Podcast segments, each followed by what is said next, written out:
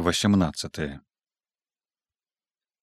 лёс ці выпадак далі перадышку быццам бы адсунулі ў бок самае страшнае і сцепаніда трошкі душэўна выпрасталася а то былі хвіліны калі яна развітвалася жыццём і толькі шкадавала што была занадта баязлівая наважылася на дужа нямногае і так мала зрабіла а і тое што зрабіла было не заўсёды ўлад. Атрымлівалася цераз пень калоду па-дурному Па-дурному яна асталася без бабоўкі, пра свой недагляд пагубляла курэй, Ды і янка таксама мусіць прапаў праз яе.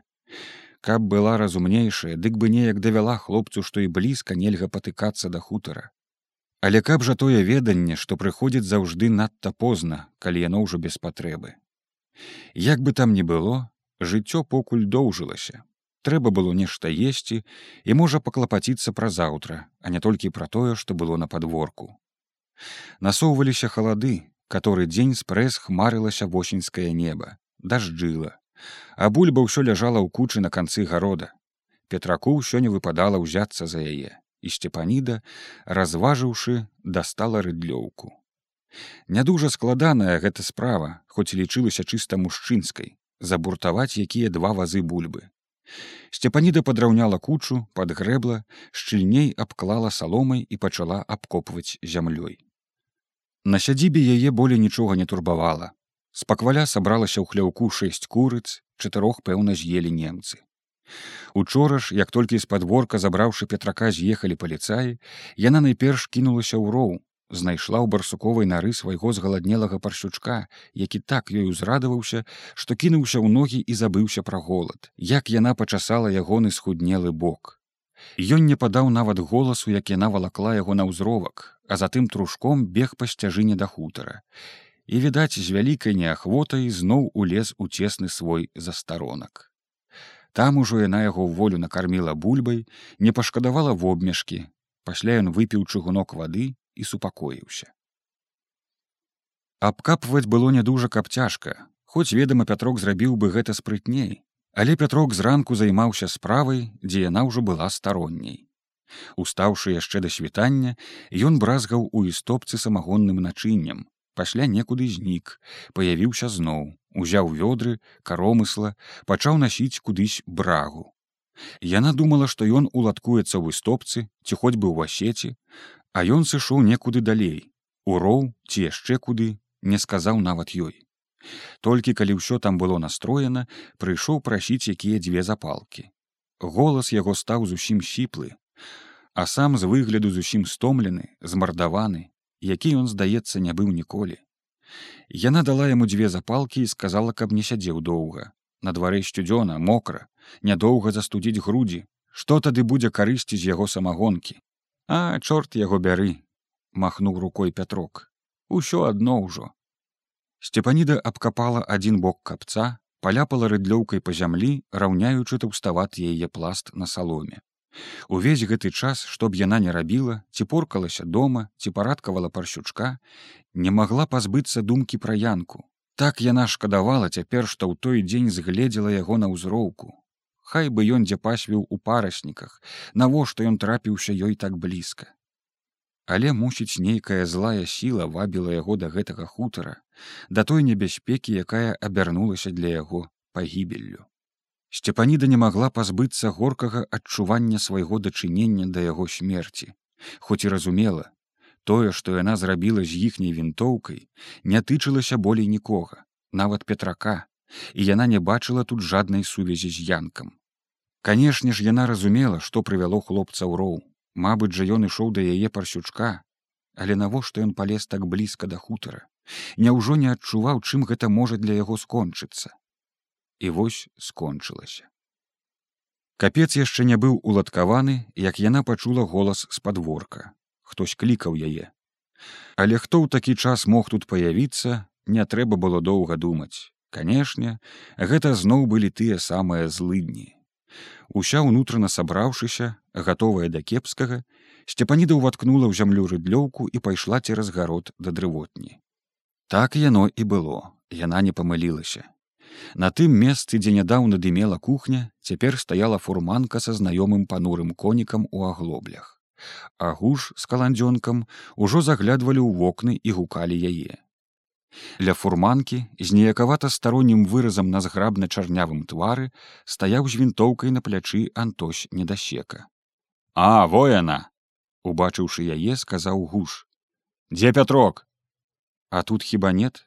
Тады не ведаю схлусіла яна адразу сцяміўшы што гэты прыезд мабыць не па яе па гаспадара хутара. Адчыняй дзверы загадаў гуш але апярэдзіўшы яе сам скінуў клямку з прабоя і размашыста бразнуў дзвярыма.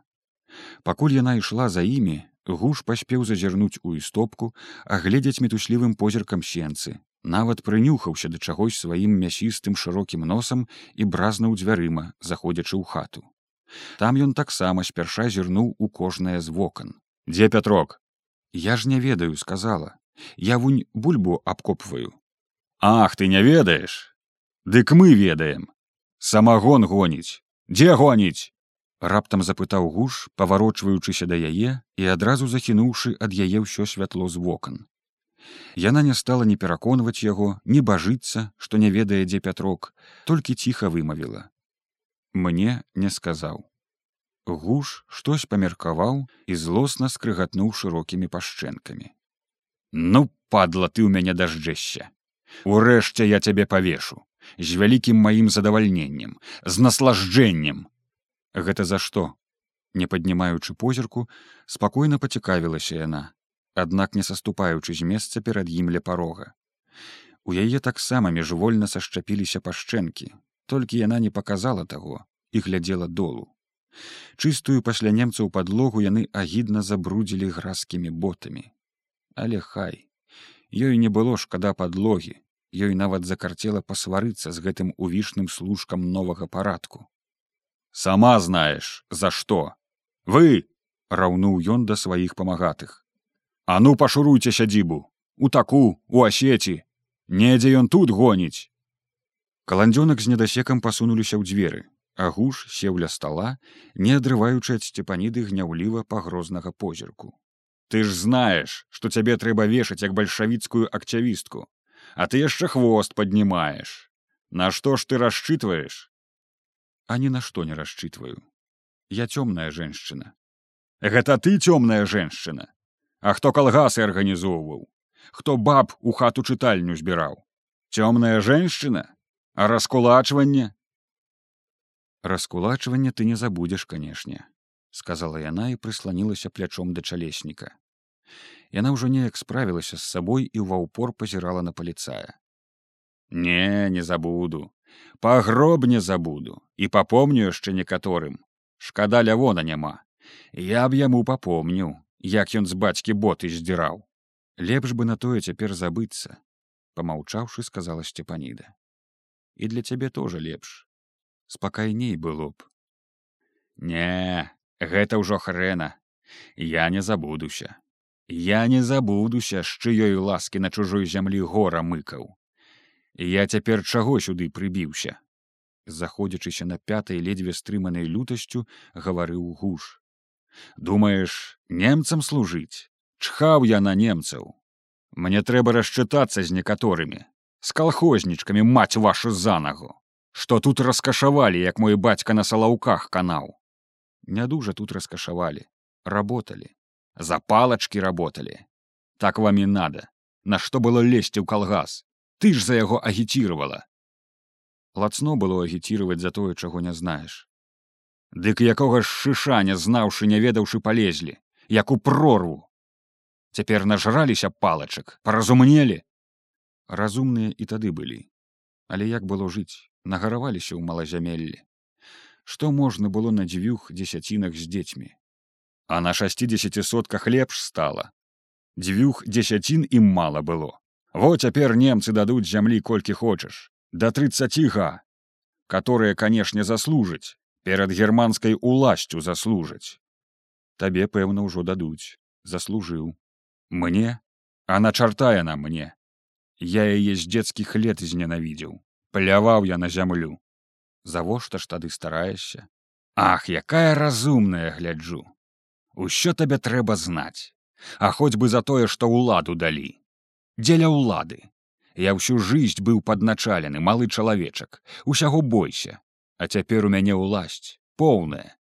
Я ж цяпер для вас вышэй чым сельсавет вышэй чым райкам чым саўнаркам нават. Я ж магу любога каго хочаш стрэльнуць. Мне ўсё давяраюць.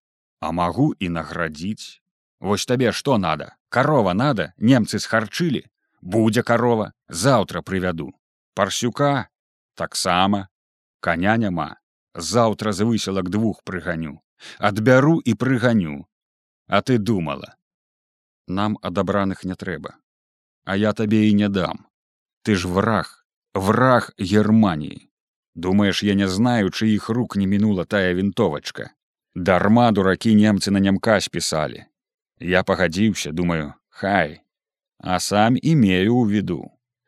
Я яшчэ тут пашурую у адным месцы. Знаеш у якім. Ён амаль крычаў гэта утаропіўшыся ў яе бязлітасным пільным позіркам і яна сумелася першы раз за гэту сустрэчу думаючы каб цябе разарвала халуй нямецкі але сапраўды было неякавата на душы здавалася ён ведаў нешта нібы сам падгледзеў ці можа даказаў хто. Хоць розумам яна пераконвала сябе што нічога пэўнага ён ведаць не мог. Палохаў? Выпрабоўваў? Можа быць. Хоць і ад таго ўсё роўна было пагана. А во пятрок разумнейшы за цябе! Помаўчаўшы трохі паспакайнеўшы сказаў гуш і ўскочыў ад стола за самагон узяўся. Правільна толькі хай не здумае ад мяне таіцца галаву адкручу і скажу што безгаловым радзіўся. Выменяў змеявік на скрыпку і думае ўтаіць. Не ўдасся у мяне агентура. У сенцах затупалі крокі расчыніліся дзверы цераз парог пералезлі даўгалыгі каландзёнак і меншы плячысты недасека. Ну што? Нідзе нетуці віскнуў каландзёнак недасека спярша зрабіў вялікую заклапочанасць на твары і памяркоўна паводзячы рукой пачаў тлумачыць. Абшарылі гэта шчытай скрозь. І ў пуні і ў асеці і ў хляўках ва ўсіх. Няма. І дзе ён падзеўся хто ведае? Хранова шарылі абвясціў гуш ну ладно няма калі а то б. Ён яшчэ раз старобка зазірнуў у кожнае акно і перахапіў вінтоўку. Недасека пільнуй. Садзіся і дажидайся прыйдзе нідзе дзенецца яе кіўнуў ён на сцепаніду. Нікуды за парог. Прыйдзе гарэлку ка мне. Паняў? Паняў ну не дужа рашуча запэўніў паліцай. Ось так. Поехали каландзёнак. А ты запомні што я сказаў замест развітання кінуў ён сцепанідзе пакеда не позна яна стала ля печы і глядзела ў вакно як яны там разварочваліся з фурманкай як садзіліся ўжо на хаду і выязджалі з варотцаў. Толькі пасля яна адарвалася ад акна і зірнула на сутулавата пакорную постаць недасекі што цярпліва стаяў ля парога. Сядай што ж стаяць? Ага гэта сяду. А то ногі ж яны свае неказённыя недасека сціпла апусціўся на ўслон уздыхнуў а беруч абапёрся на рулю вінтоўкі з расшчэпленым прыкладам. Па гарэлку ехалі або як запыталася сцепаніда недасека зрабіў выраз шчырага недаўмення на ўвогуле сімпатычным з роўнымі броўкамі твары. А хто ж яго ведае? Ён усё. Ці па гарэлку ці яшчэ за чым.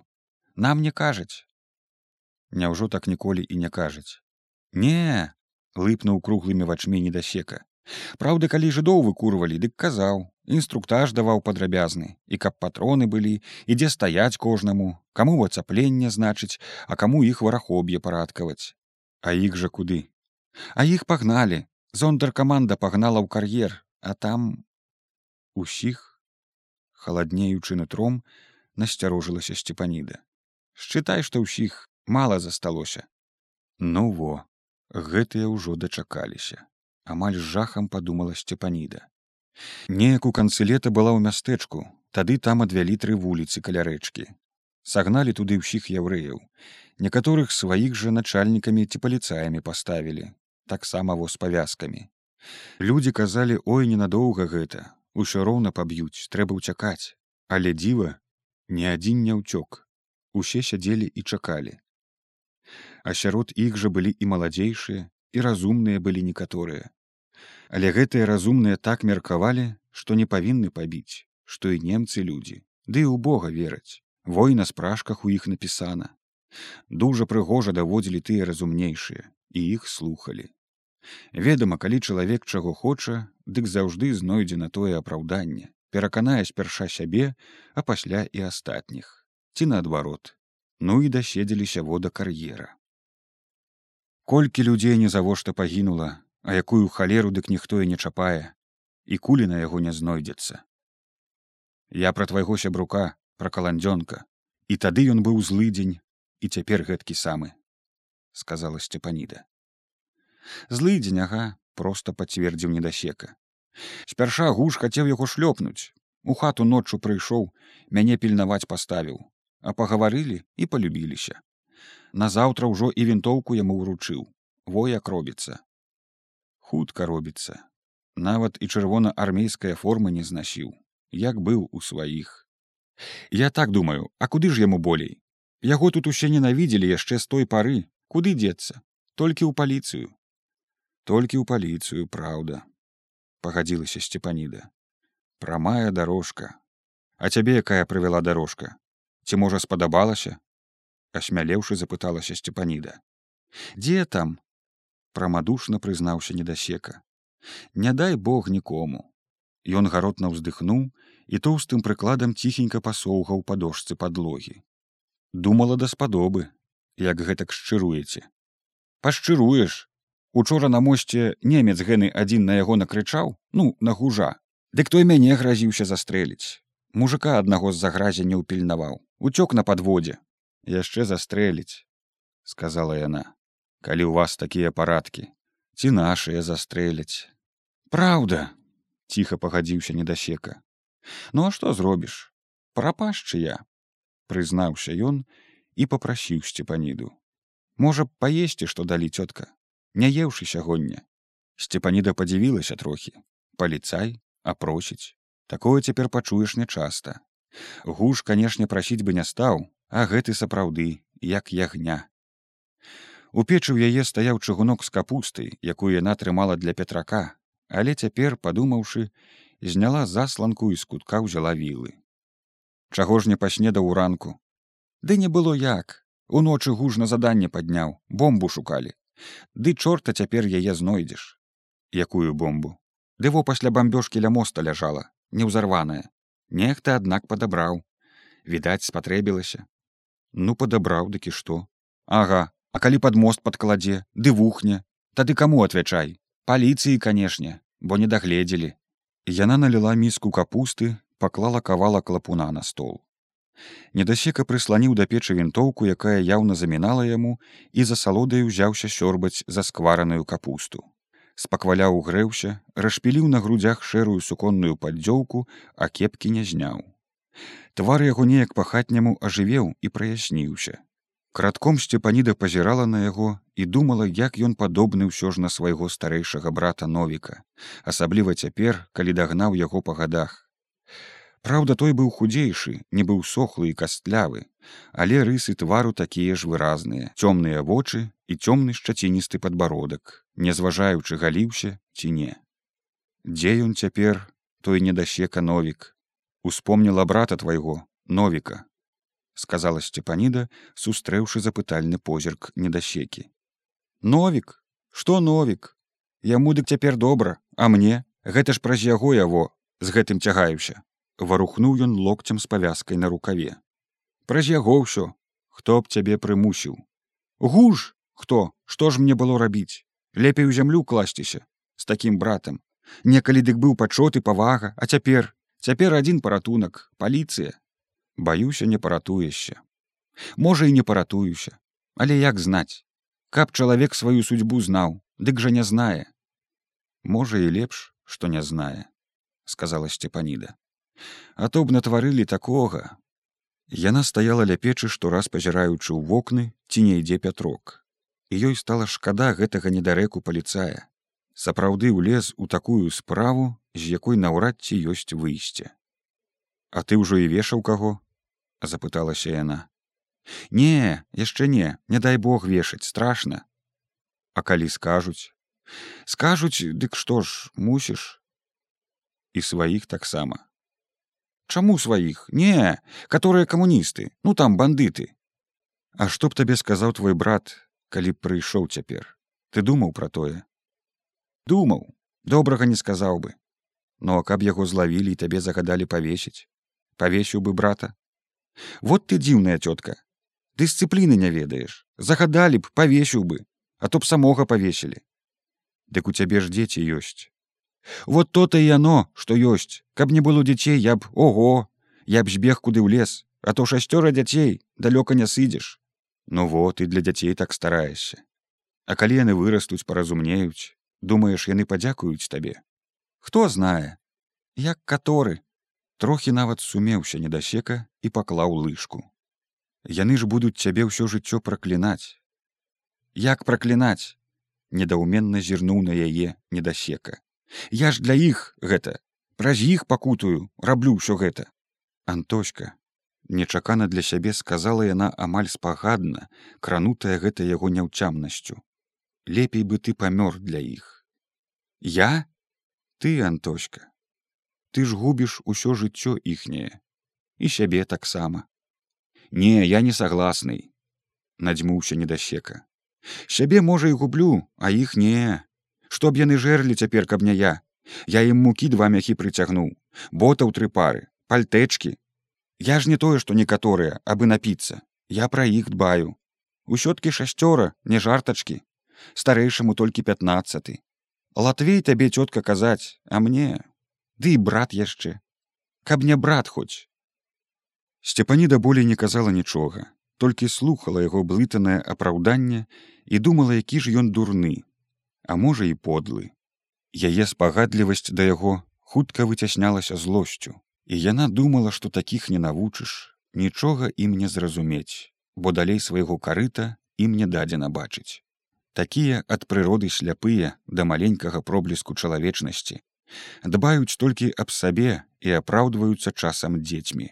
Божа, што будзе яшчэ з тых іхніх дзяцей, што яны пярэймуць ад гэтых вотаткаў. Лепш бы яго як найхутчэй забілі дзе, менш было б шкоды і болей карысці сваім жа. Ды і ягоным дзецям таксама, якіх ён так рупна забяспечыў мукой і абуткам.